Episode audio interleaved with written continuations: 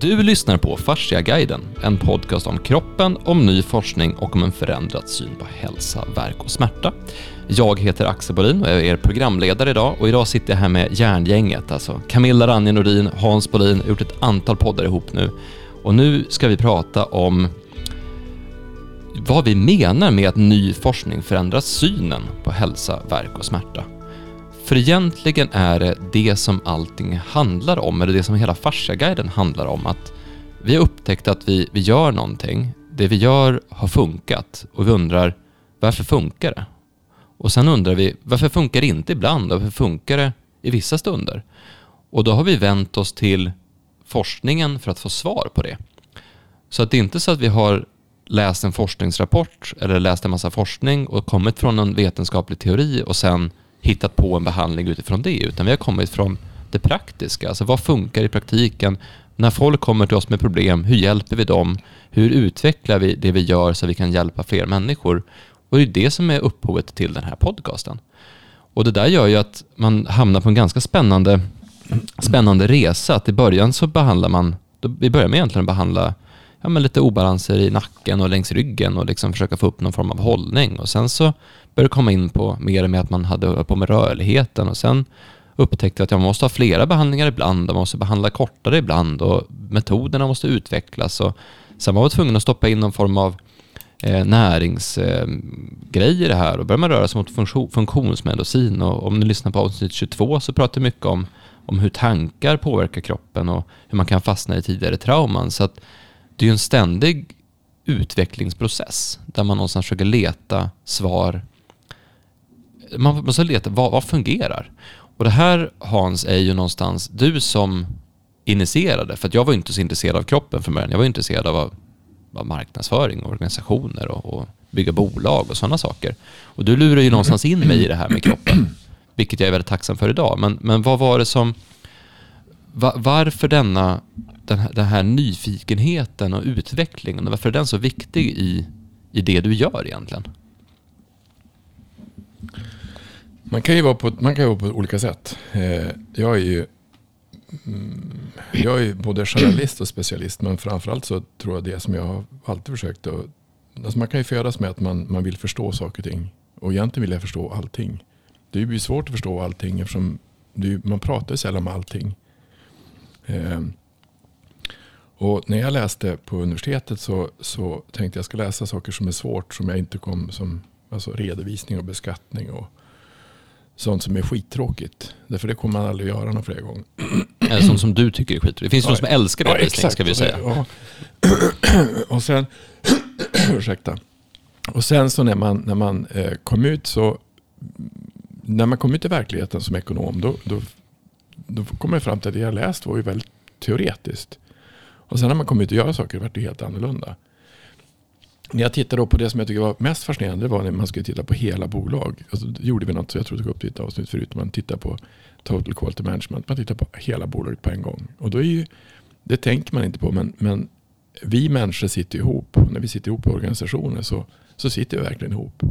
Så om någon inte, alltså om det inte funkar. Man, man, man det enkla sättet om man ser, jag tycker det är att om man ser se det vi gör som ett serviceyrke.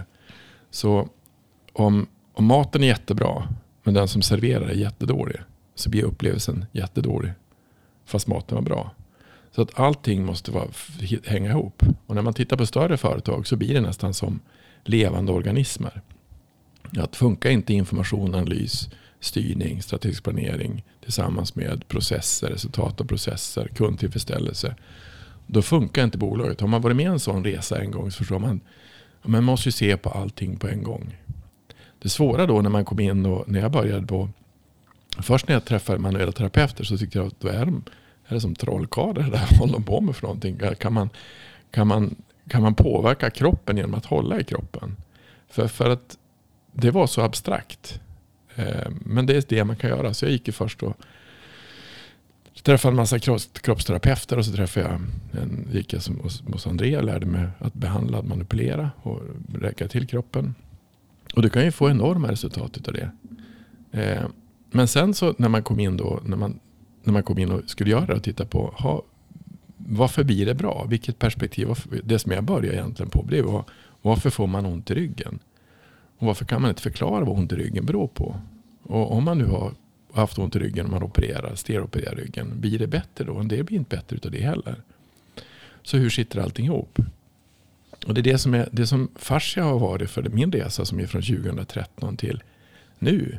Det är att det, det förändras ju hela tiden i hur man ser det. Men man ser, alltså det är som vi har försökt säga att, att fascia är precis som ett, ett, ett ekosystem. Man måste se allting på en gång. Hur påverkar Alltså, jag satt och lyssnade på hur påverkar tankar oss? Om jag, om jag sitter och lyssnar på eh, sportradio, alltså, referat nu från OS. Ja, men det är spännande nu. Nu åker hon andra åket och min puls är uppe i 145. Men ursäkta, varför går din puls upp för att sitta och titta på, på sport? Hur kan det vara så? Alltså, då ser man, man, man hör hela tiden att, att saker och ting påverkar utifrån påverkar vår puls. Och ändå har vi tagit bort mycket av upplevelser, trauman, helhet i, i hur vi ser på kroppen. Vi har, vi har tagit bort kroppen ifrån naturen. Alltså vi har separerat oss själva ifrån hur det egentligen är. Så perspektivet helhet, eh, perspektivet fascia som allting sitter ihop. Att det är en enda kropp. Det är ju det som jag tycker är fascinerande att titta på när man kommer in och ska titta på ja, men, eh, jag har fel på det och det. Ja, men vi kan titta på det utifrån det perspektivet. Kommer jag bli bra?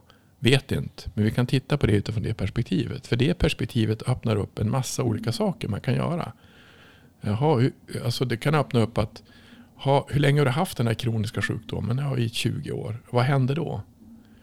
Eh, och när man försöker förstå, alltså man, vet man då att epigenetik, genetiken, det vi är med om påverkar hela genetiken, så förstår vi att händelser är viktiga.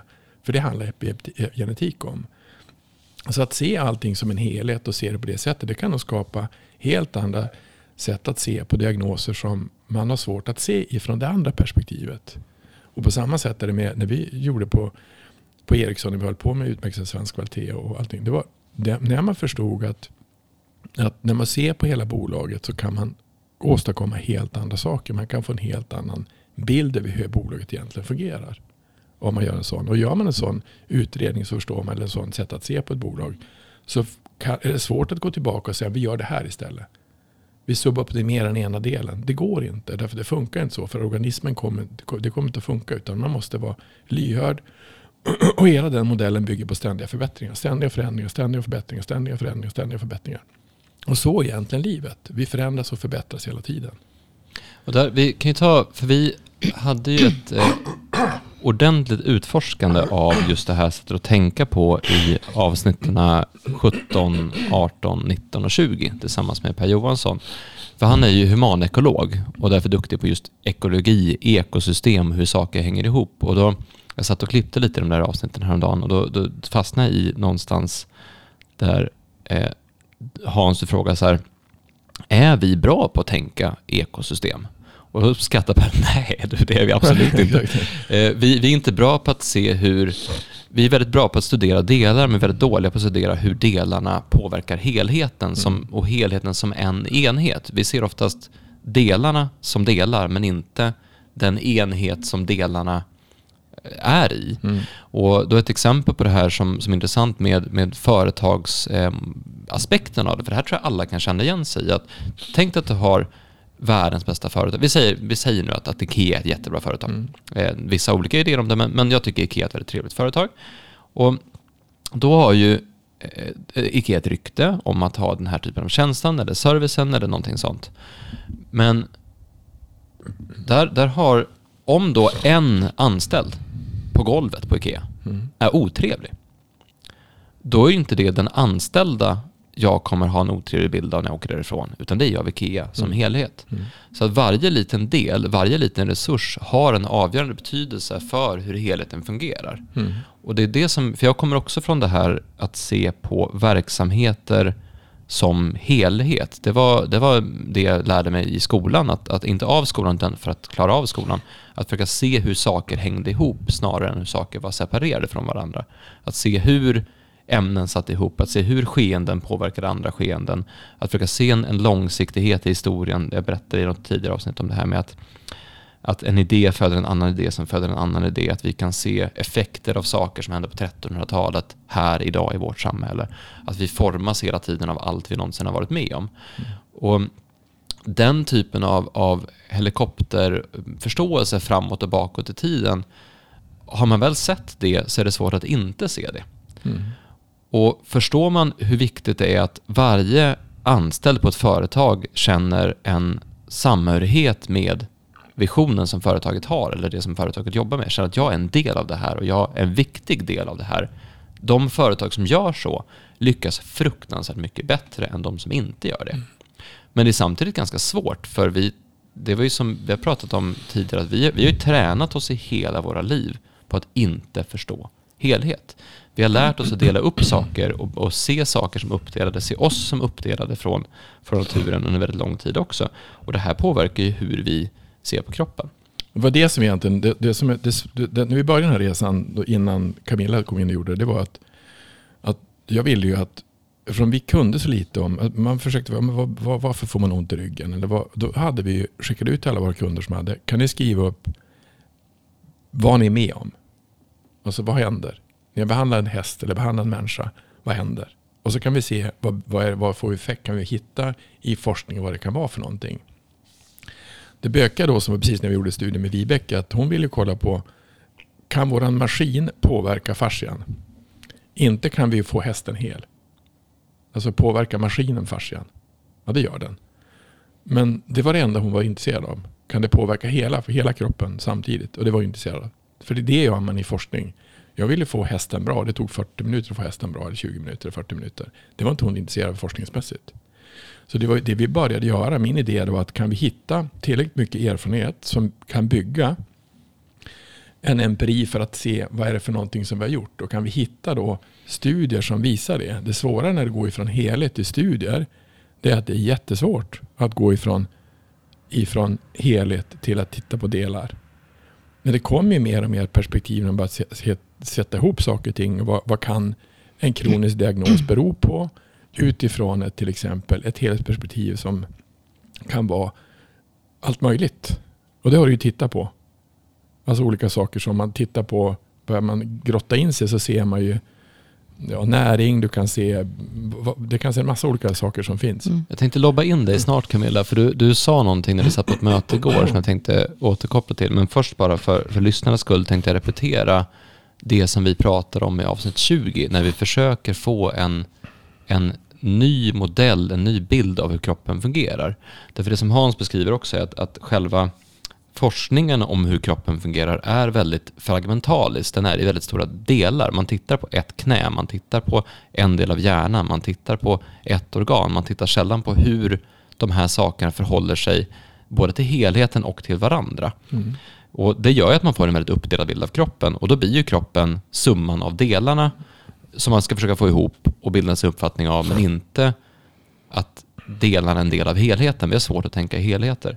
Det vi laborerade med i avsnitt 20 var att försöka bygga en bild av hur kroppen hänger ihop. Och då menar vi att vi har, vi har en kropp och den kroppen är, jag är min kropp. Det är inte så att det är jag och min kropp, utan mm. kroppen rymmer allting som är jag. Alla mina tankar, alla mina känslor, alla mina erfarenheter ryms i den här mm. kroppen.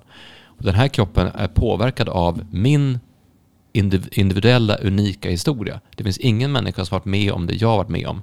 Och allting jag har varit med om, både fysiskt, tankemässigt, erfarenhetsmässigt, känslomässigt, de förhållanden jag haft, de relationer jag haft, det har påverkat hur jag tänker, hur jag rör mig och därmed också mitt, eh, mitt välmående och hur, jag ser på livet och hur min kropp fungerar. Eh, kroppen i sig är ett, som ett eget ekosystem. Det händer saker hela tiden och alla delar påverkar alla delar. Allting som händer i kroppen påverkar allting. Näringsstatus, vi har pratat om, om eh, flöden hit och dit och, och, när det kommer infektioner och när det händer saker. Allting påverkar allting i kroppen samtidigt. Mm. Har du en, en stram, eh, alltså en, en kollagen, eh, påverkan på kollagenet så är det inte kollagenet i liksom lillfingret som påverkas utan det är precis överallt hela mm. tiden. Allting sitter ihop över hela kroppen. Och den här kroppen påverkas av de tryck som kroppen tar emot. Och tryck är eh, rörelse, det är hur man sitter, det är tankar, det är känslor, det är medicinering och kost, det är sömn, det är stress, det är allting som vi kan råka ut för påverkar kroppen.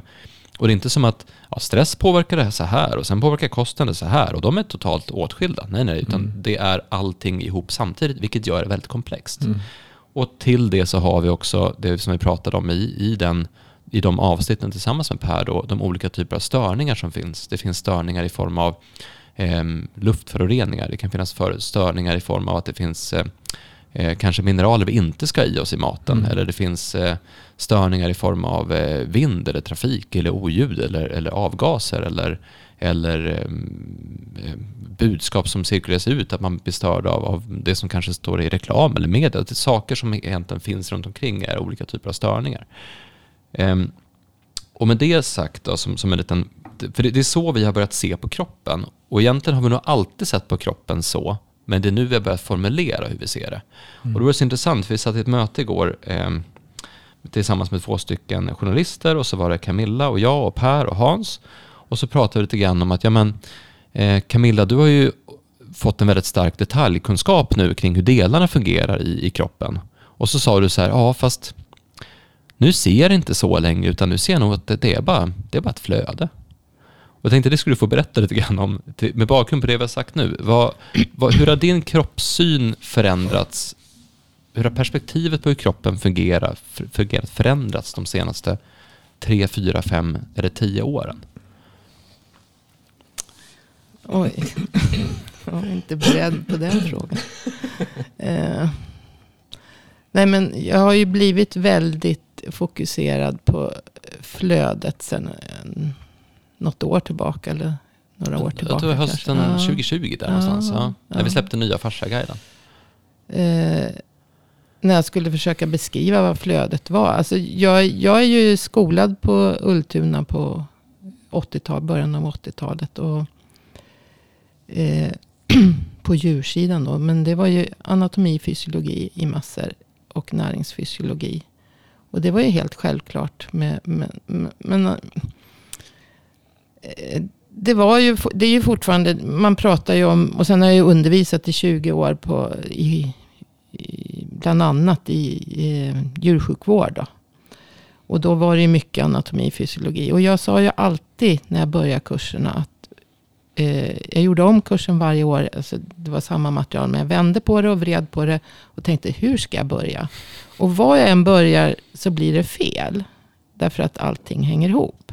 Så, så, så jag fick alltid säga till eleverna. Så, så så jag förstod ju, jag menar hade ju då en, en, en eh, en förnimmelse eller känsla? Ja, en, en, en, eh, förståelse för att, att allting hänger ihop såklart. Men, men inte kanske ändå på det sättet eh, nu då när vi har börjat tänka fascia på ett annat sätt med flöde. Men, men så jag, jag sa ju alltid att var jag än börjar så blir det fel. Därför att jag kommer att prata om saker som inte berör det här och som ni inte har hört än.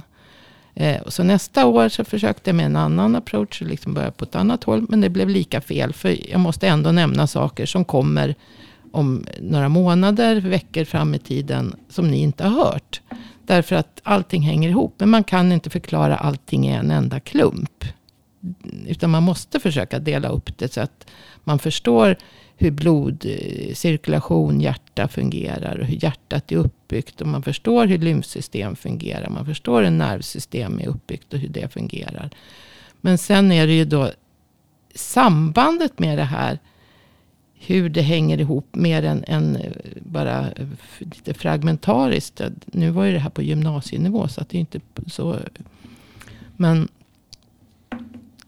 sambandet sen hur, hur det verkligen hänger ihop. Det har ju, den förståelsen har väl kommit liksom nu mer på senare tid. Och hur, just det här som du pratade om, alltså hur saker som händer oss påverkar. Det har jag ju aldrig funderat över på det viset. Mer än riktiga skador, alltså trauman, fysiska trauman. När du är med om en olycka och slår dig. Det är klart att en skada kan sitta kvar livet ut. Att du får leva med det så att säga. Men däremot att även mentala psykiska trauman påverkar. Och hela, kan påverka hela eh, funktionen i, i kroppen. Och, och det,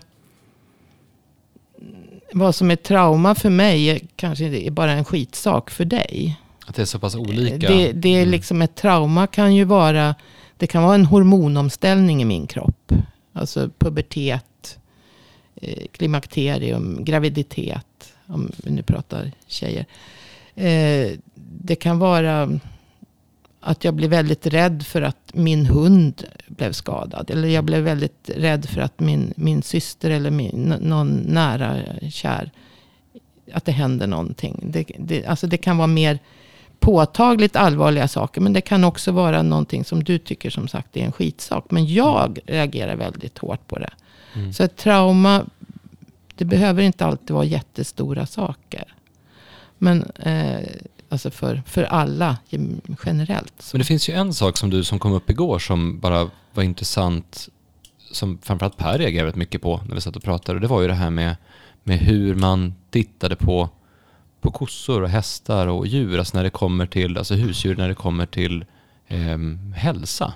Mm. När, näring och Ja. Näring. och det, foderstatus. det har jag ju sagt eh, Men det tål att flera upprepas gånger. för det är ganska intressant. flera gånger förut. Men ju- just det där att vi, vi tittade, jag, jag säger fortfarande det att, att jag läs, man läser ju parallellt med, mycket, mycket parallellt med veterinärerna när man läser till husdjursagronom. Då. Gjorde i alla fall då. Eh, och eh, de hade ju en, men vi hade ju en mycket bredare, jag säger fortfarande, vi hade en mycket bredare syn på, på djurhälsa. Så att säga. På, där, alltså vi, Men är inte, ni- är inte ni mer fokuserade på hälsa istället för Jo, kanske på sjukvård, jo sjukdom? det sa de alltid. Att ni, vi fokuserar på friska djur. Ni ska hålla dem friska. De ska aldrig hamna hos veterinärerna. Mm. Därför att det kostar pengar. Mm. Och det, och Så- jag måste det- säga då, för det här, det här är intressant eh, innan du fortsätter. Därför att vi var inne på det lite grann när vi pratade i avsnitt 19 eller 20. Just att, Mm. att det är olika typer av kompetenser. Därför att ska du förstå en sjukdom, då krävs en speciell specialistkunskap där du går in och gräver i just den. Mm. Men ska du förstå det här breda med friskhet, att förstå hur man ska hålla saker frisk och så vidare. Det är också en kompetens, men den kompetensen är mycket, mycket mer generell och erfarenhetsbaserad. För det som, då måste du just ha förståelsen för så många olika aspekter. Det var ju det som vi pratade om att, att, ehm, att, en, att en specialist kan ju vara väldigt duktig på just den specifika, specifika saken. Men, men de, de till exempel terapeuter som, som jobbar på klinikerna som vi har jobbat med i flera år också. Mm. Där är ju kompetensen att kunna möta en människa, fråga den människan som en detek- detektiv och se vad kan det här vara och sen använda allting man någonsin varit med om, erfarenheter från andra patienter, erfarenheter från vad man har läst och hört och sett och så vidare för att försöka nysta upp någon form av individuell historiebeskrivning om var det här kan ha kommit ifrån. Och det är ju en annan typ av kompetens. Men det du tog upp igår var ju foder, alltså var ju hur man mäter. Alltså, men ja, det, men alltså, det, är ju i djuren, eftersom vi läste, ju, läste då framförallt kor, grisar, höns, eh, lite häst. Nu är det ju mycket, men det är ju samma sak med hästarna. Alltså det är ju så mycket, för, för bonden så att säga, så är det jätteviktigt att hålla korna i väldigt gott skick. Att, att eh, va- vara snäll med dem, att, att Mm. eh, hålla dem rena, att ha en bra stallmiljö, att ge, verkligen ge dem rätt foder. Att eh, ja, pyssla med dem, man har kanske radion på, liksom, hela tiden få dem i en god stämning. De ska mjölka bra och framförallt hålla sig friska. De, de, det, det är för mycket pengar att få en ko eller en gris sjuk. Eh, och veterinärmedicin har en annan infallsvinkel så att säga. För de är det pengar med de sjuka djuren. Men, men det är lite... det, det, Eh, alltså, vi, vi var väldigt noga med att hela tiden räkna foderstater. Och vi, jag, Ja, men det, tog, det, du tog, ja, men det är konstigt att jag tänkte ju liksom aldrig riktigt på mig själv heller. Då. Att, jag, fysiologin tog jag tillbaka, liksom, men det är jätteintressant för så här funkar jag också. Mm. Men när vi läste näringsfysiologi och allting och man läste, man höll på praktiskt räkna utfodring på eh, kossor och hästar och grisar. Så liksom, vad behöver de? Det här är underhåll. Och nu eh, mjölkar de si och så mycket. Eller nu arbetar hästen si och så mycket. Då behöver den det tillägget. Nu är den dräktig. Det behöver den det tillägget. Och nu di, är den digivande, behöver den det tillägget. Mm. Eh, och det är inte bara energi och protein. Men det vi fokuserar på människor så är det liksom det enda pro, energi och protein som man pratar Ja, men om. ett, Och sen, ja. på djuren var det alla mineraler, mitt, vitaminer. Inte så mycket vitaminer, men mycket. Alla, man räknar mineralkvoter, kalcium, fosfor, kalcium, magnesium. Alltså man räknar kvoter och man räknar energiproteinkvoter också. Eller proteinenergikvoter också. Eh, men, och allting, att det, det var så viktigt liksom att, att hela tiden se till att djuret fick exakt det det behövde. Och man, man gjorde ju försök på vad djuren behöver. Så att man Mm. liksom, det hade man ju studier och forskning på, på Ultuna. Att man, man eh, kollar på vad de stoppade i sig och vad som kom ut. Så att säga, och vad, vad de behövde för att må bra.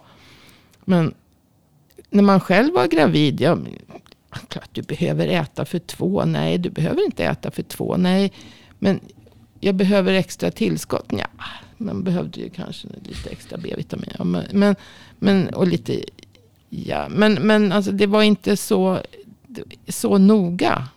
Och det är fortfarande inte så noga. Det är precis som att om du äter allsidigt så får du i dig det du behöver.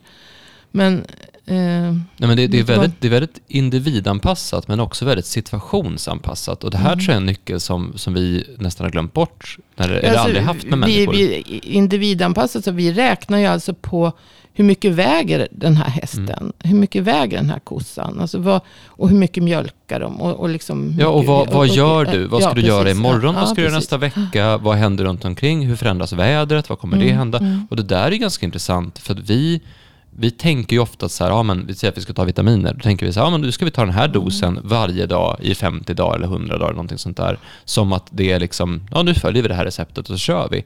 Men det som vi har pratat mycket om i poddarna, framförallt när det kommer till C-vitamin, är ju hur du själv måste känna efter och anpassa din dos Mm. baserat på vad du gör. Och Det här är ju ganska likt det du pratar om nu. Att okej, men du ska, nu ska du träna, nu ska du stressa, nu ska du hålla ett företag, nu ska du jobba lite extra mycket, nu ska du ta det lugnt, nu ska du vara ledig, nu ska du ha semester. Och att man anpassar vad man gör, hur man tar hand om sig, hur man, hur man just tränar, andas, eh, vilar, eh, äter, eh, tillskott man tar och så vidare baserat på vad det är man faktiskt gör.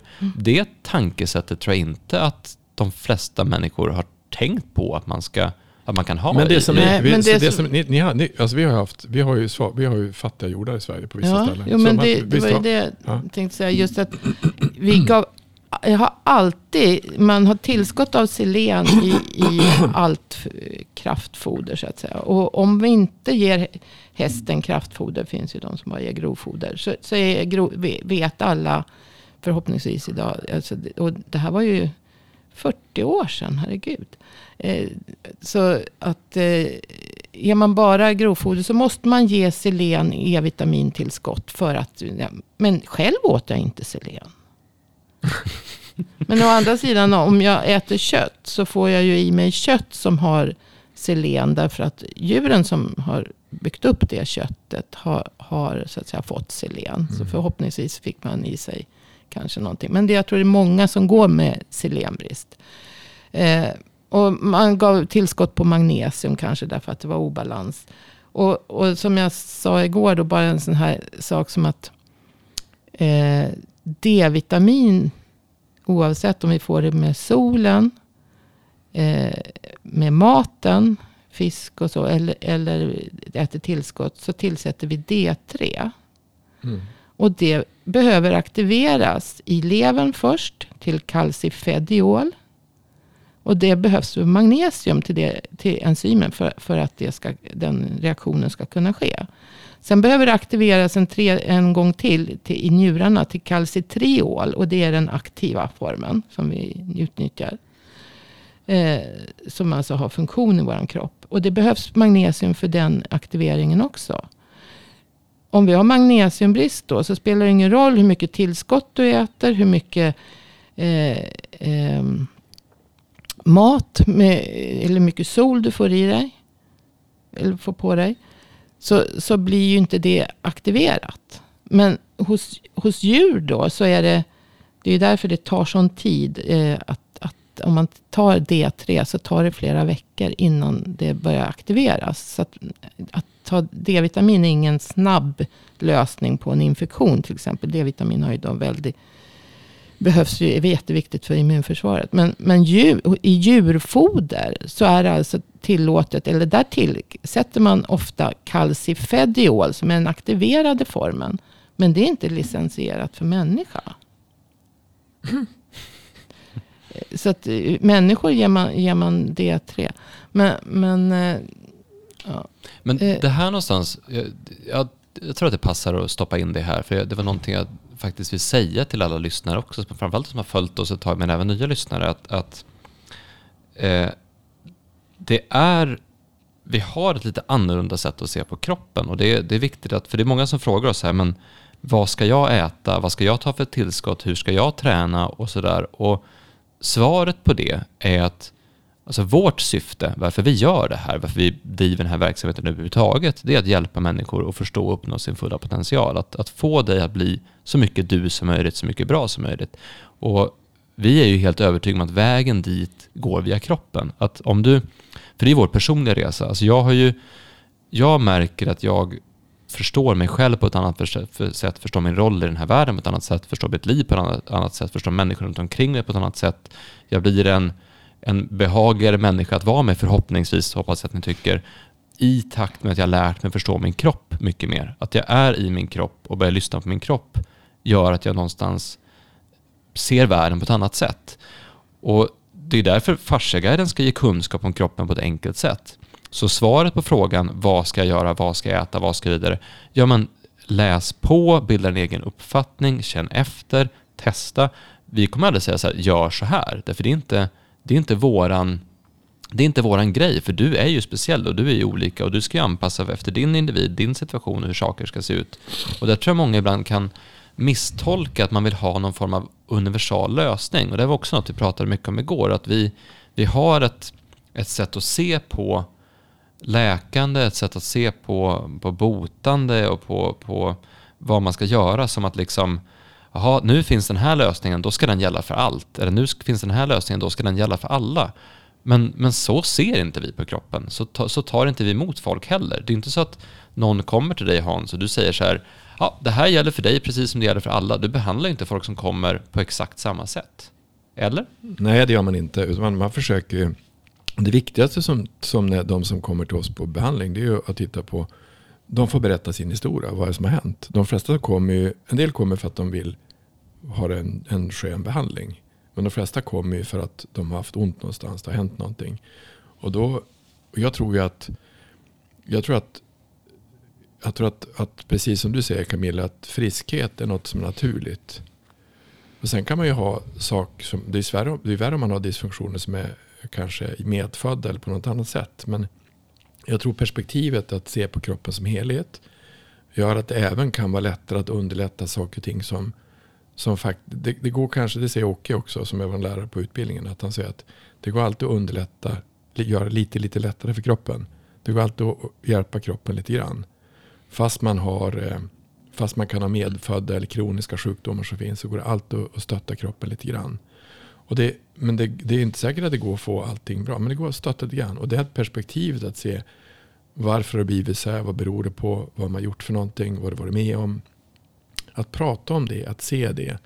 Att möta folk, på, att de som kommer på det sättet. Personligen och se, höra deras resa, vad de är med om. Det gör ju att det, de, blir, de blir hörda. Du har ju en, en extrem innovativ förmåga. Alltså när, när det, vi säger så här, det här, nu tar jag ett som företagsexempel. Så här, om, om vi, vi håller på med någonting och så märker vi att men det här funkar inte så bra. Då säger du så här, ja men låt oss göra så här istället. Och så ska du liksom, då, då, kan vi vända hela bolagets kurs på, på en månad och så bara gör vi totalt annorlunda. Att någonstans, om inte det här funkar, okej, okay, då funkar inte det, låt oss testa det här istället. Mm. För det är ju någonting som, det är ju ett angreppssätt på behandling som är ganska intressant. För du märker ju ibland att du kör fast och då mm. testar du någonting nytt. Mm. Och det är det som någonstans är en, ett sätt att angripa svårare problem. Men, men tänk om man kan titta på det här sättet på istället. För där någonstans finns ju en... Eh, alltså, igår så pratade vi om att det finns en, en kombination av ödmjukhet och arrogans samtidigt. Alltså ödmjukhet i att det kan vara det kan vara på ett annat sätt. Vi måste lyssna på det som händer och så vidare. Men också lite så här, det kanske inte är någon som har testat det här förut. Att man inte tror att... Man, man, det finns ju någon idé någonstans om att vi, vi har ju målat upp en bild av experten. Att, att all kunskap finns där ute och allting är redan på, påkommet och allting...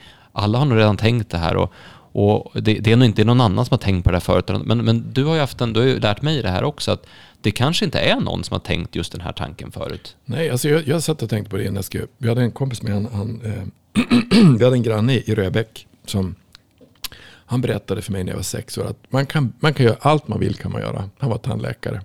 Han hade, han hade mycket problem med sin kropp. Han sa att man kan, vet du, om du bestämde för att du ska bli 5000 meters löpare, då kan du bli det. Och jag vart så här, äh, järnspikar, man kan bli 5000 meters löpare. Så gick jag upp till min kompis, nu ska vi börja träna 5000 meter. Alltså vad hittar man nu då? Så åkte vi ut och sprang. Så sen så, och efter ett tag var det jobbigt. Alltså 5000 meter är skitjobbigt. Så han, sen så sprang vi ett par varv där. Så sa jag till Hans, här, du, det här var inte så jävla roligt med 5000 meter. Så. Och då, det var, alltså jag tror att jag mycket var så att jag är ganska nyfiken och lite naiv. Och jag trodde förut att jag kanske, jag tänkte så att när jag gjort såna här, vissa sådana här eh, som jag behandlar, som jag bara går in, testa och köra.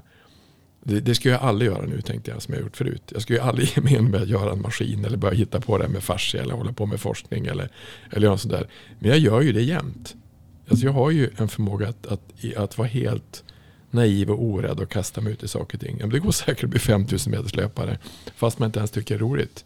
Så att vissa saker som, som jag tror att perspektivet av att vara nyfiken och att var lite naiv. Mm. Eller som professor Karl Afors sa till dig, ha en historia för du kan ju ingenting. Det, så du ställer så konstiga frågor. Exakt, så då kan man testa en massa saker. Och då, och då blir det så att, alltså jag, tror att, att, jag tror att det visst är så att man, att, att när man kommer in i det perspektivet som, som vi håller på med nu, som, som du läs håller på mest med Camilla, då, då kan du se svårigheten är att om du inte kan någonting, då blir det svårt kanske.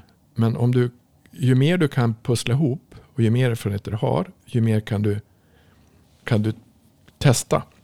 Och ju mer case man har haft, alltså jag är ju 60 år gammal och hållit på med det i 15 år.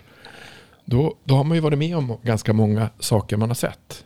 Och då kan man ju lägga ihop dem, det man har sett. Och så ja, men det kanske beror på det eller det eller det eller det. Det som vi har tittat på nu som vi började med för två år sedan, det tittar på, nu ska vi göra blodanalys idag och se vad, vad får vi fram utav det. Men så kan vi kan vi hitta saker som kan bero på? Kan vi hitta, vad, vad kan det bero på egentligen? För jag, tror att, jag tror att egentligen friskhet och liv är någonting som är, vi är födda med. Alltså, det, det, det mesta djur är friska. Jag tror att vi är de sjukaste djuren som finns på jorden. Alltså människor. Och då måste det bero på någonting. För att det är som vi berättade förut i något program. Att någon som hade någon kille som sa till mig att du, kan det komma sig att fascian är annorlunda på ett tamdjur jämfört med ett vilt djur? Alltså jag har inte styckat så många djur så jag har ingen aning för han trodde jag var fasciaexpert. Jag, jag, har aldrig, jag har aldrig styckat djur överhuvudtaget. Men och då, för att han var jägare och han såg det från det perspektivet. Så att ett, ett vilt djur är alltid mycket, du kan som dra ut saker. Allting sitter bara löst och fint och det är det inte på tamdjur. Och vad beror det på? Har vi blivit domesticerade? Har vi blivit tamdjur så att vi är fel på? Därför att vi lever fel, vi äter fel, vi gör fel saker. Och, det, det, och det, det får ju, allting får konsekvenser på hur kroppens konstitution ser ut. Mm. Och det är det som jag tror att man... Jag tror det landar också i någonstans vad, vad är ens grundläggande bild av kroppen. Och det är därför jag, jag rekommenderar ju alla att i alla fall se Strolling Under the Skin. Mm. Eh, och alltså man kan lyssna på det avsnittet vi gjorde om just den filmen också. Eh, just om den levande kroppen. För, för mig var det verkligen en väldigt stor polett som trillade ner när Camilla började förklara på molekylär nivå hur olika system i hästen fungerade under vår första hästutbildning. Därför att det var då jag insåg att järnspikar vilken komplex kropp jag har. Alltså vad häftig den är, vad, vad, mm. vad, stor den är och vad avancerad den är och vad mycket som kroppen gör som jag inte har en aning om och, och hur, hur, den, hur den jobbar hela tiden och tar emot saker. Nu pratar jag om min kropp igen i tredje person som ett objekt här. Men, men hur, hur otroligt fantastisk min kropp är. Alltså egentligen hur otroligt fantastisk då jag är. och hur vackert det är och hur rörligt det är och hur flexibelt och anpassningsbart. Och, alltså vad som, och då, blir, då blir man lite så här, wow, vad, vad den här kroppen kan läka saker. Wow, vilken, vilken enorm kapacitet som finns i kroppen. Och då blir frågan snarare, varför släpper inte jag ut det här? Och det är det jag börjar träna på, att se vad händer om jag ligger ner på kvällarna, tänker att jag är min kropp, försöker uppleva det och då tusan, då läker ju kroppen.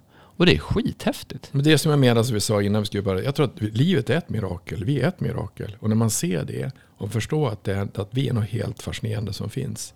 Det är som du sa till dig när jag sa igår, du pratade om kroppen är, det finns ingen, det finns ingen anatomisk 3D. Då tittar du på mig så att kroppen är inte 3D, den är Multidel. Åh, vad fan, vad är multidel för något? 3D är svårt. jo, men 3D, det, du, du ser ju liksom framifrån, bakifrån och så från sidorna. Ja. Men du kan ju se från alla vinklar.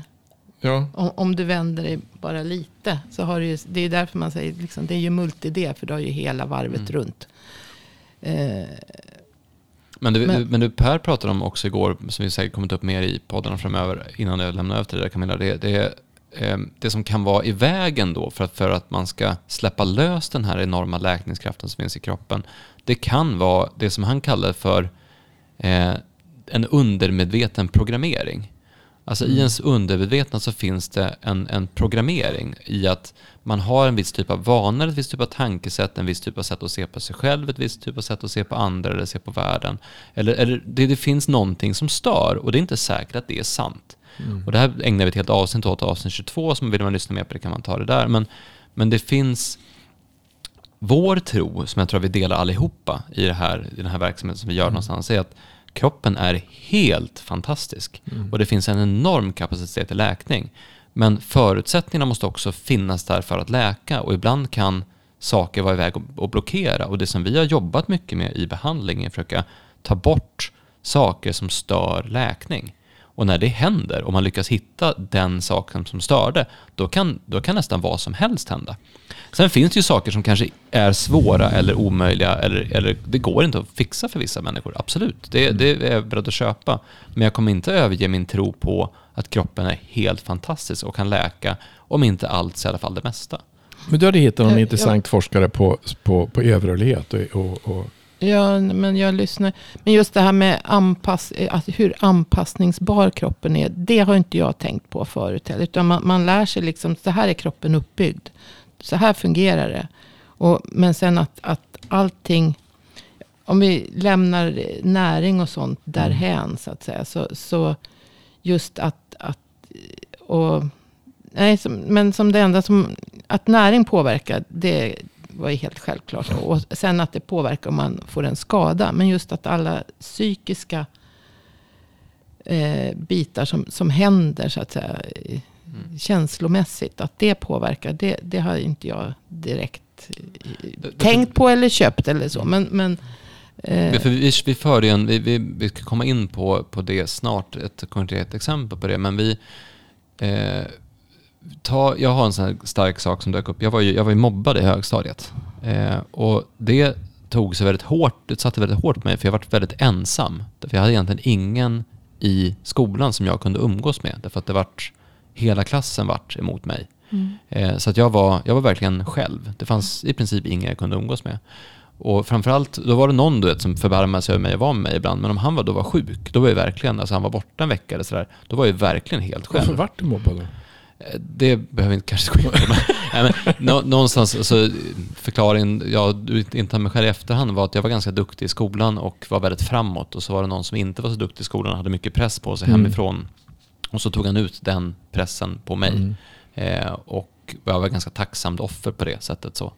Eh, men, men det som hände med mig fysiskt av det här, mm. det var att jag vart nedtryckt. Och är man mm. nedtryckt så är det svårare att ta plats. Så att jag hade svårt att ta plats.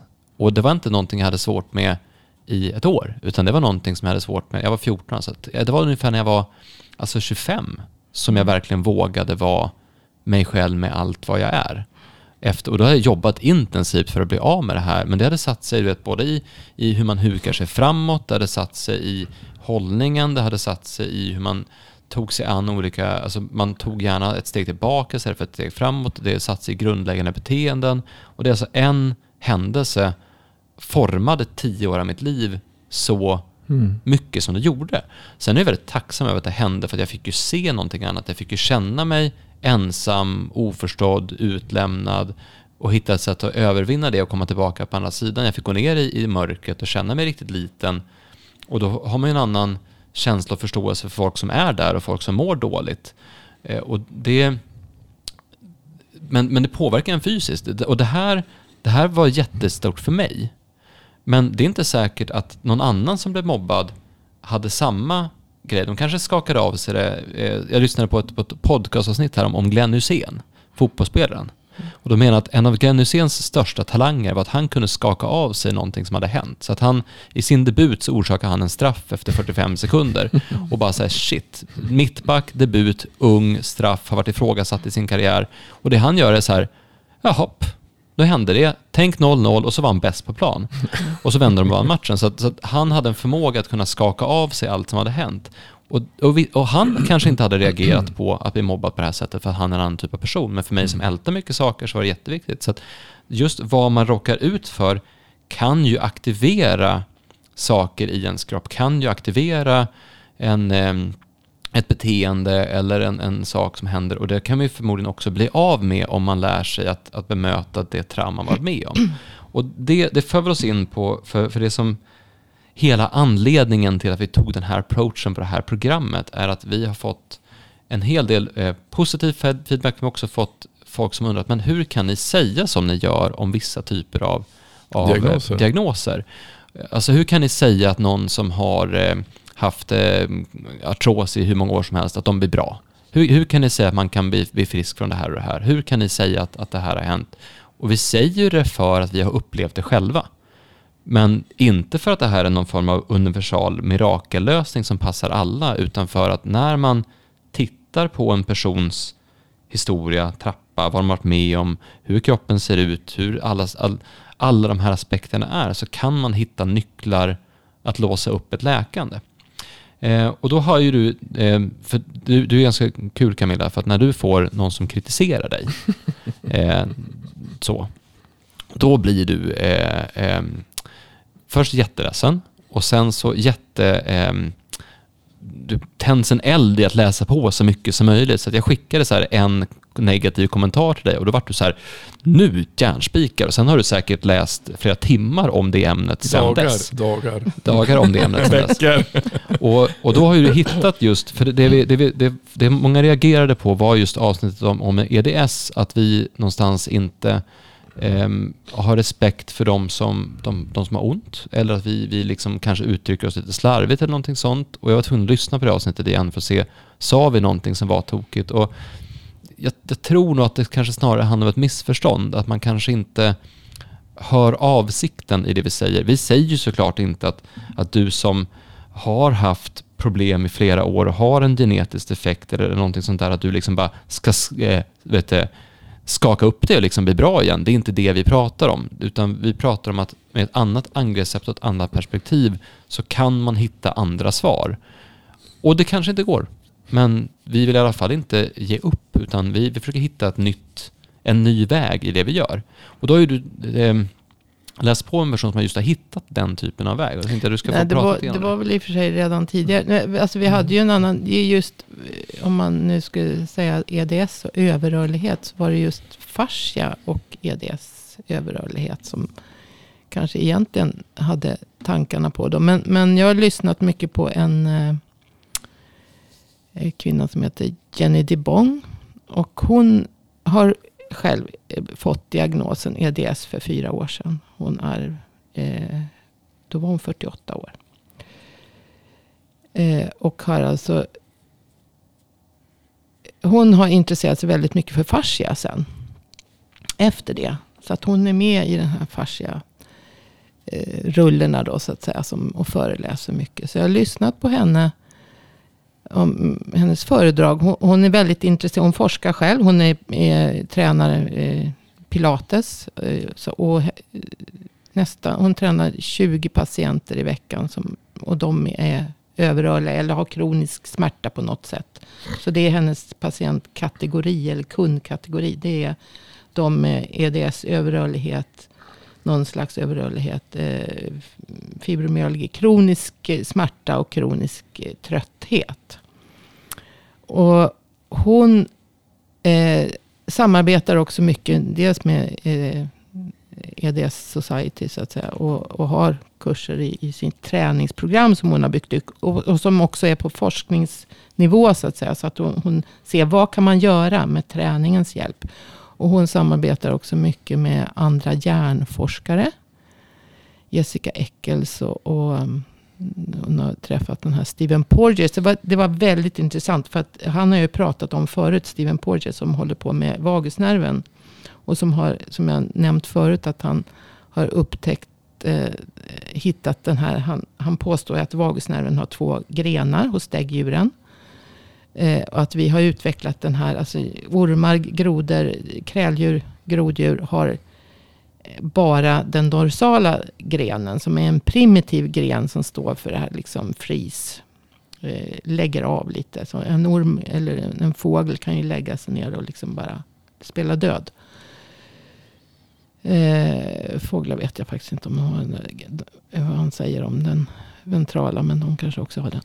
Eh, men vi ska i alla fall ha en ventral, eller vi har den ventrala grenen. Det menar han på. Det är den som går, som den, den vagusnerv som vi pratar om. Utan det, det han har upptäckt är ju den här ryggbiten så att säga. Att det är en, en dorsal. Men den, den vi pratar om när vi pratar däggdjur så. Det är ju den ventrala som går ner till alla organ. Och från alla organ i, i kroppen. Som liksom känner av hur vi mår invändigt. Eh, Eh, och han har jag också då, hon har ju träffat honom och eh, hon har fått väldigt mycket insikter ifrån honom. Men han, han har ju också då forskat på, han har inte ens publicerat det här än tror jag med, med vagusnerven. Men, och han har ju forskat också och sett på EDS och vagusnerven. Och upp, framförallt först upptäckte han tidigare då att eh, personer med någon slags historisk eh, traumabakgrund. Som utsätts för, eh, för, har utsatts för mycket trauma. Har en väldigt låg vagusaktivitet. Och det har vi kanske pratat om förut.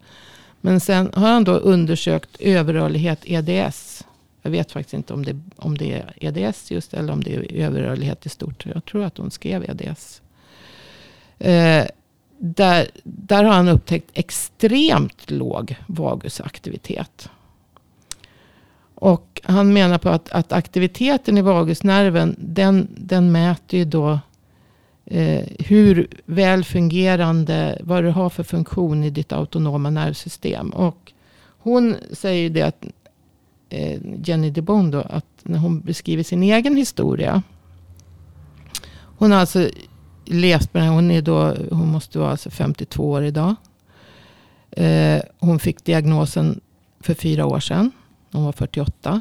Hon fick sina första symptom när hon var 12. Då fick hon diagnosen IBS. Mm. Eh, magproblem alltså. Och, och eh, magtarmproblem. Och hon sa att hon hade levt i en väldigt stökig, rörig, orolig, otrygg uppväxt. Mm. Eh, hon gick på, hon hade alltså sympatiska nervsystemet var igång dominant hela tiden. Hon var hela tiden i flykt mm. och försvar. Eh, och sen fick hon de här symptomen. Då, och nu idag så förstår hon ju liksom. Sen, sen under hela hennes tonårstid så hade hon alla de här symptomen som man kan uppleva då. Typ, inte, inte alla förmodligen. Men, men alltså med, när man är överrörlig. Har, hon visste att hon var överrörlig. Eller det, eller det vet jag inte. Hon kanske visste det nu när hon ser tillbaka på det. Eh, och då fick hon ju problem med huden. Hon hade migrän ständigt. Hon fick eh, eh sår, dålig läkförmåga. Hon hade alltså huvudvärk, migrän, hon hade problem med lederna, eh, ledsmärta, och yrsel, eh, hon svimmade och, och hon fick eh, luftvägsproblem. Mycket infektioner. Hon hade liksom problem med allt under hela sin tonårstid. Och sen när hon blev gravid så eh, packade hon ihop helt efter graviditeten. Och fick liksom total utmattning. Eh, och sen höll det på så där hela, hela hennes tid. Tills hon då var 48 år. Hon sa att det tog 36 år alltså att få diagnosen. EDS. Och det var någon fysioterapeut eller någon professor som hon hade träffat sen. Som hade, det här är nog... Eh, för då hade de börjat upptäcka hur, hur hon kunde... Hon hade på den här Beightonskalan som de mäter då överrörligheten. För att liksom klassificera om det är EDS eller om det är eh, HSD. Eh, så hade hon nio av tio. Mm. Eh, och eh, hon har alltså sedan dess. Hon jobbade ju som pilatestränare innan det här. Innan hon fick diagnosen. Men hon har alltså sedan dess jobbat mycket med, med eh, just andning, trygghet. Hon har alltså ett helt program med Mm. det här. Men hon börjar alltid med, med tryggheten och med andningen. För hon sa att, att och hon, har idag, hon är idag helt smärtfri. Mm. Hon kanske har dåliga dagar också naturligtvis. Men hon är i princip smärtfri. Så hon, hon, hon har alltså föreläsningar då som jag lyssnar på om just hur påverkar trauma eh, autonoma nervsystemet och EDS eller överrörlighet. Hur hänger det ihop? För hon menar på liksom att alla de som är överrörliga men som inte har symptom. Rätt vad det är så kan de få symptom. Mm. Vad är det som händer då? Och, och det här traumat som jag sa, det kanske är en skitsak för dig. Men, men jag tar det väldigt hårt. Mm. Alltså det kanske skulle vara en skitsak för dig även om du så att säga, var i, i min situation. Men, Så att jag menar inte att, att du är längre ifrån så att du, du inte berör på det viset. Men du kanske inte skulle ta det lika hårt därför att du inte Ja, men som har jag inte sa med Glenn Hysén Ja, men och, precis. och därför så. att du Mm. slår av dig det. Då menar man på att eh, hon har ju då eh, jobbat, eller pratat mycket med den här Jessica Eccles som är alltså hjärn, eh, psykiatriker och hjärnforskare. Jobbar mycket med hjärna-kroppens samband. Och hon har ju då skrivit mycket om just hur eh, överrörlighet generellt, nu pratar jag inte EDS bara, utan överrörlighet hänger ihop med eh, ångest. Mm. Eh, hur det hänger ihop med eh, massor med andra kroniska smärtor, fibromyalgi. 80% av dem med fibromyalgi är överrörliga, menar hon. Eh, och hon har också eh, forskat, hon har gjort hjärnskanningar utav hjärnan. Alltså det här är också det som, hur, hur anpassningsbar kroppen är just på grund av fascian. Så att säga. Alltså att det, är, det är fascian, det är som anpassar Allting- sig. Så att säga. Det är ju den som styr. Och den biten har jag inte tänkt på förut. Så att säga. Eller det, Mm. det, det har ju kommit till insikt nu. Att det är ju det som händer i fascian. Det, det som händer dig påverkar fascian. Mm. Och hon har gjort, den här Jessica då, har gjort hjärnskanningar.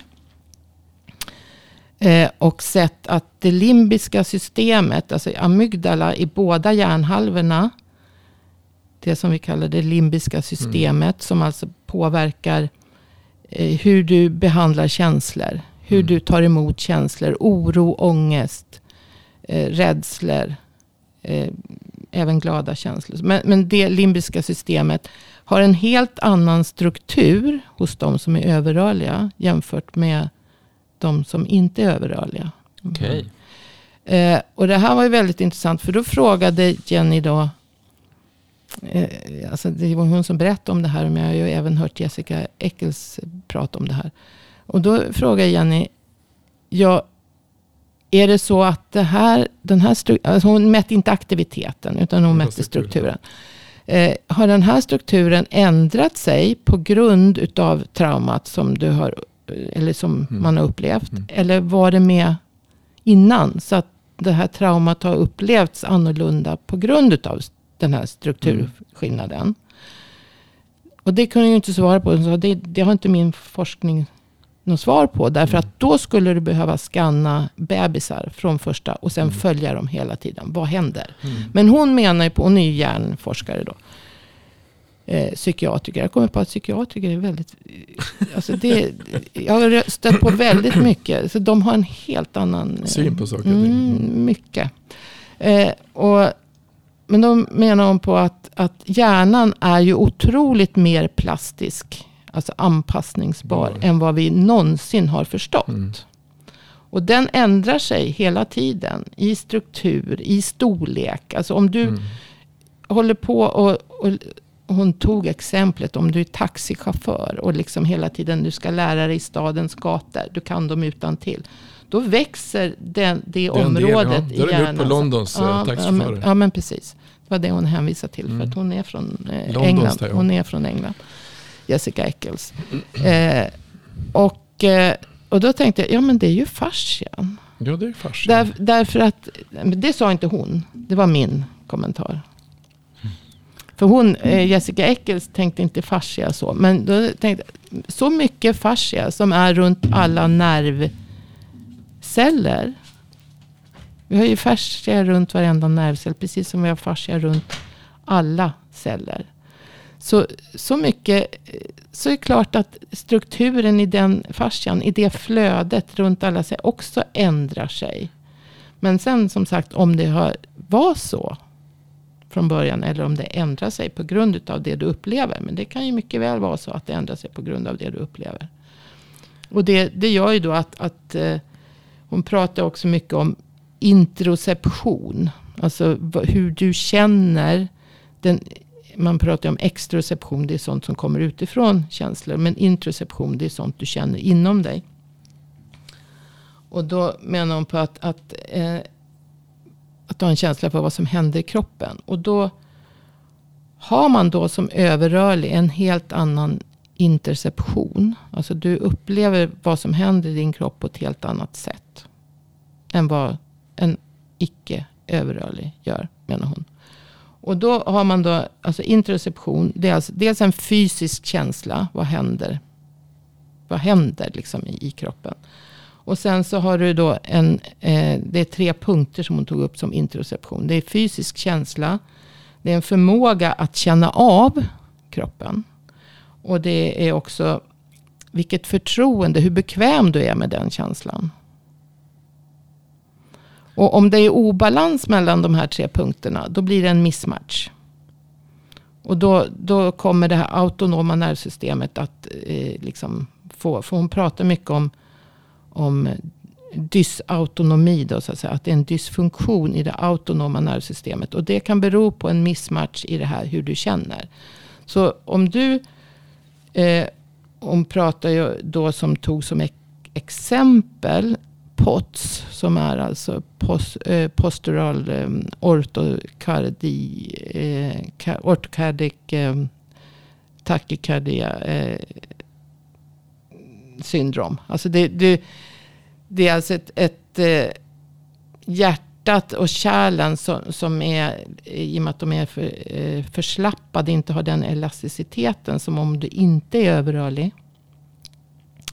Så i, I och med att du har eh, en störning i bindväven så att säga. Så får du inte upp, om du reser dig från sittande eller liggande. Hon har gjort försök med det här när de reser upp folk. Eh, och så reser du upp någon. Så, så får man en väldigt hög höjning av hjärtfrekvensen. Om man är, eh, och man kan till och med tuppa av, alltså bli så dizzy så. Men en, en utan överrörlighet klarar av det. Därför att det autonoma nervsystemet klarar av att, att liksom få, få upp eh, blodet till höger hjärthalva på ett korrekt sätt. Så att säga. Men det här, de får alltså inte upp blodet i den takten som det borde då. Och då kan man svimma. Jag känner att det här, det här är, när man tänker på det, väldigt, väldigt svindande. Mm. Eh, och det här förtjänar faktiskt ett eget avsnitt.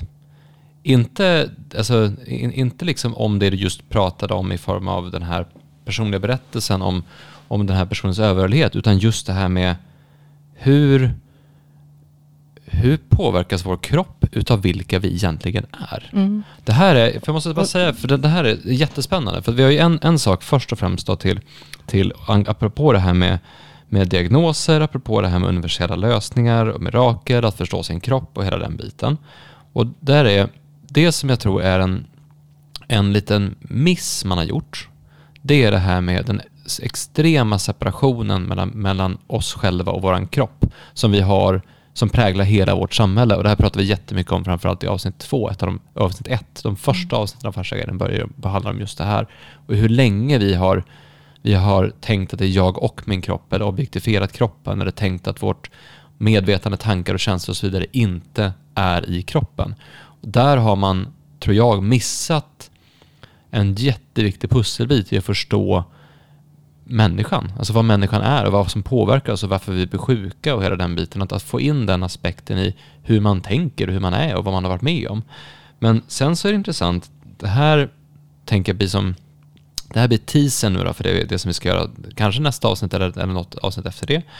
Eh, hur, hur vi är när vi föds. För man pratar ibland om att människor har olika typer av talanger, olika mm. fallenheter, olika egenskaper. Och någonstans är ju vårt samhälle värdesätter ju inte vissa av de här egenskaperna. Alltså om du tar till exempel eh, de estetiska ämnena i skolan, alltså att kunna hålla på med, med bild eller, eller drama eller musik eller sådär. Det är ju någonting som vi mer och mer med åren har börjat eh, vi värdesätter inte dans idag på samma mm. sätt till exempel. Som vi kanske gjorde för jag vet inte, 100 år sedan, 200 år sedan, någon, för, för, för, förut i alla fall. Utan vi värdesätter någon form av rationalitet och logik och vi värdesätter matematik och vi värdesätter sådana saker. Och det gör ju att en viss typ av personer passar väldigt bra in i det här. En viss typ av personer passar den här världen väldigt bra för, det här samhället vi har byggt upp.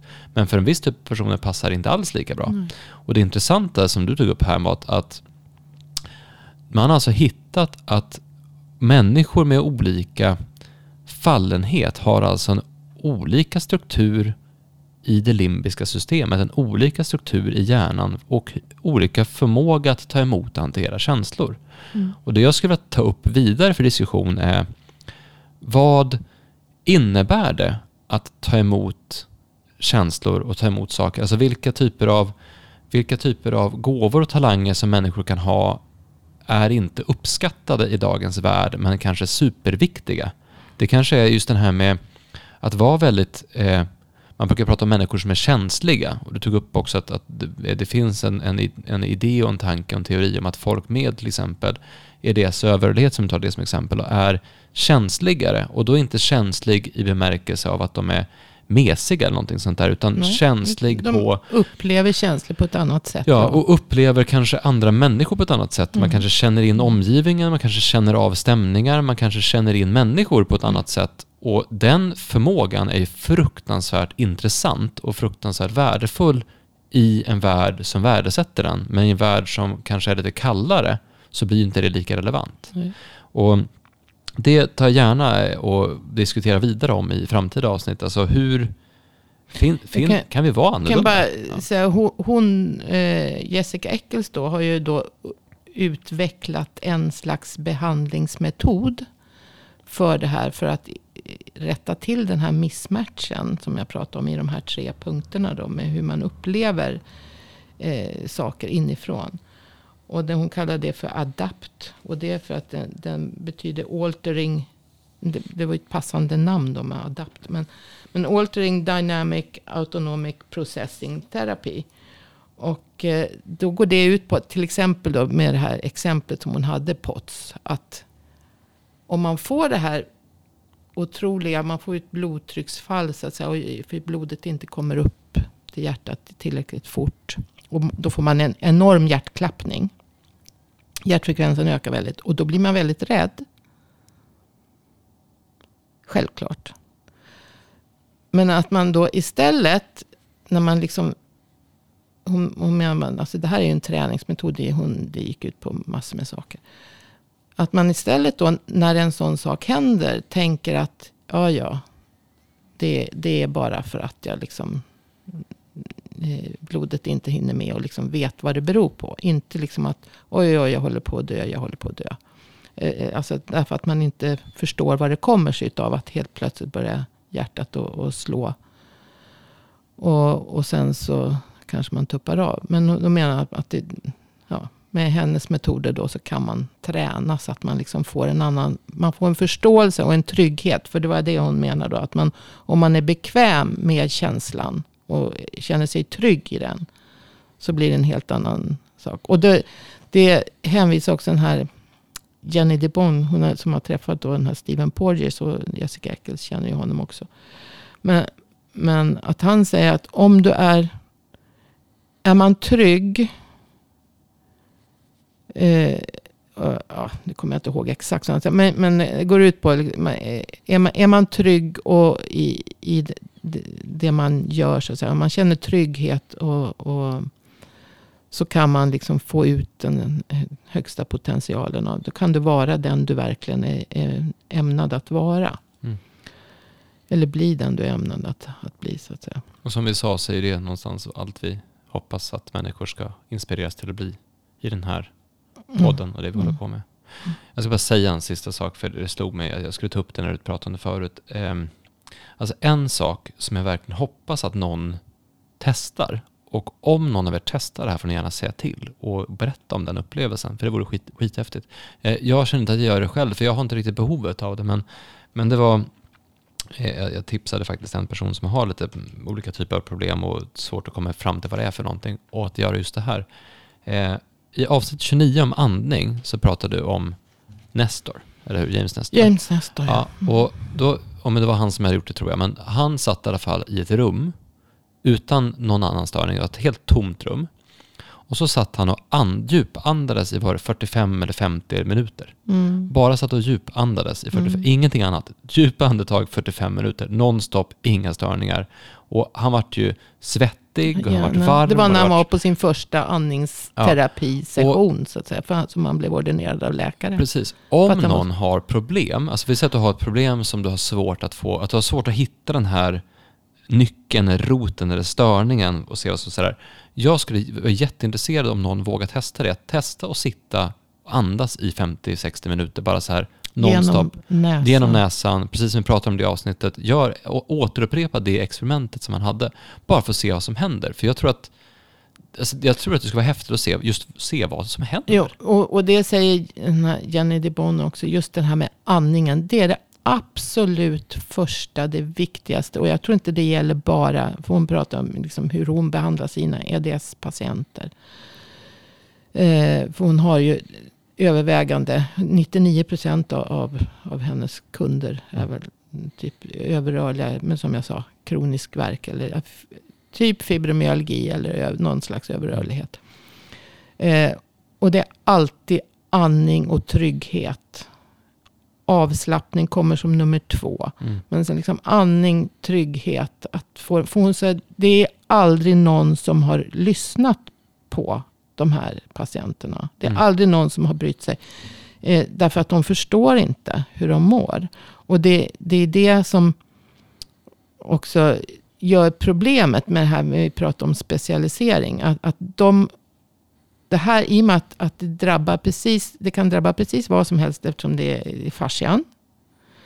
Eh, det, det, drabbar alltså hjärt-kärlproblem. Det, det kan ge eh, all, den här eh, dysautonomin, alltså eh, funktionen i nervsystemet, i, i autonoma nervsystemet. Som vi inte kan styra över med hjärtklappning, eh, rytmstörningar. Som man blir rädd utav också. Eh, och sen eh, hur, hur, man upplever känslor. Ja, men sen att, att inte bli lyssnad på, inte bli Nej, förstådd, precis. inte bli, bli uppmärksammad. Alltså att, att, att, tro någonstans...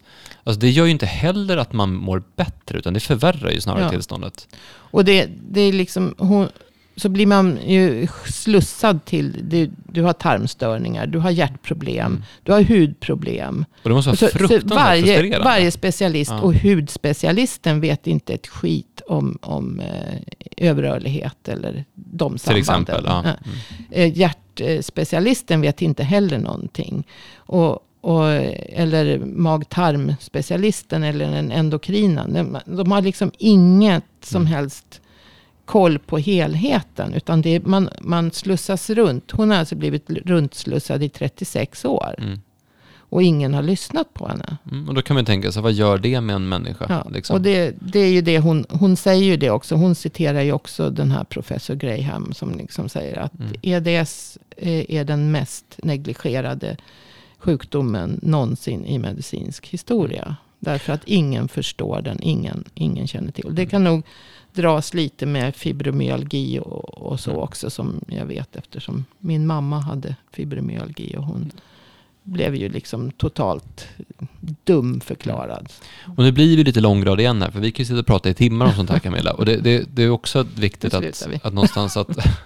men det vill jag, om det inte har framgått, ni som lyssnar på det här, så hoppas jag att ni vet att vi verkligen, verkligen bryr oss om att hjälpa människor. Och vi är inte här för att, för att förminska någon eller fördumma någon eller något sånt heller. Utan vi, men däremot, vi vägrar ge upp hoppet. Vi tror verkligen att det går att göra saker, att det alltid finns, det finns någonting. Det, kan, alltså det finns alltid hopp. Och det, det, det, tänk, det tänker vi fortsätta tro på om man säger så. Och därför skulle det vara kul att se just det här med, därför den här andningsövningen, det kostar ingenting. Vem som helst kan göra det. det är, du behöver ett rum, du behöver stänga av alla störningar och du behöver sitta och andas på, i en bekväm ställning i 40-60 minuter. Och det kanske inte funkar. Det kanske inte alls gör någonting för dig. Det kanske inte alls innebär någonting. Men det vore jätteintressant att se vad som händer om man gör det. Det är nästan så att vi ska ta, göra det du och jag också kanske Camilla. Vi får se. Mm. Men, eh, men, men ja, just... för, eh, för alltså det är diafragma och hon menar ju på att i och med att alltså, man andas här uppe och framförallt då överrörlighet stabiliserar hela kroppen med hjälp av diafragma. Så du blir så stel. Och hur allt det här med, med kroppshållning, allt sånt påverkar hela. Alltså det, det kan ställa till så mycket. Det, bara, allting, det blir bara en ond cirkel. Det Mm. blir, blir värre, värre och rädslor och Men, men det som det kommer kosta att göra den här övningen, det är ju viljan, disciplinen och, eh, och commitmentet att göra det. För det är ju faktiskt inte så att, alltså om det nu var så lätt att göra det, men då skulle väl alla göra det hela tiden. Så att det finns ju ändå, man måste ha respekt också för att, att göra den här typen av övningar, det tar också sin dis- disciplin och sin energi. Eh, Men, men just andningen har vi pratat så fruktansvärt mycket om hur otroligt viktig den är. Så jag, jag skulle, alltså gör som ni vill, men det vore väldigt häftigt att se om någon testar det här, vad som skulle hända. Och jag tror nog att vi också ska testa det här Camilla, du och jag, eh, med jag andningsbiten. ju, gör ju det lite. Ja, men just den här koncentrerade 45 minuter i ett rum utan 45 störningar. Det, det, det, vi, vi ser vad som händer. Vi kan göra det tillsammans till och med. Jag försöker faktiskt. Jag tror att jag andas, andas mycket bättre. Mm. Sen jag började. Därför att man, man, det blir en vana. Så att Mm. det, det sätter sig.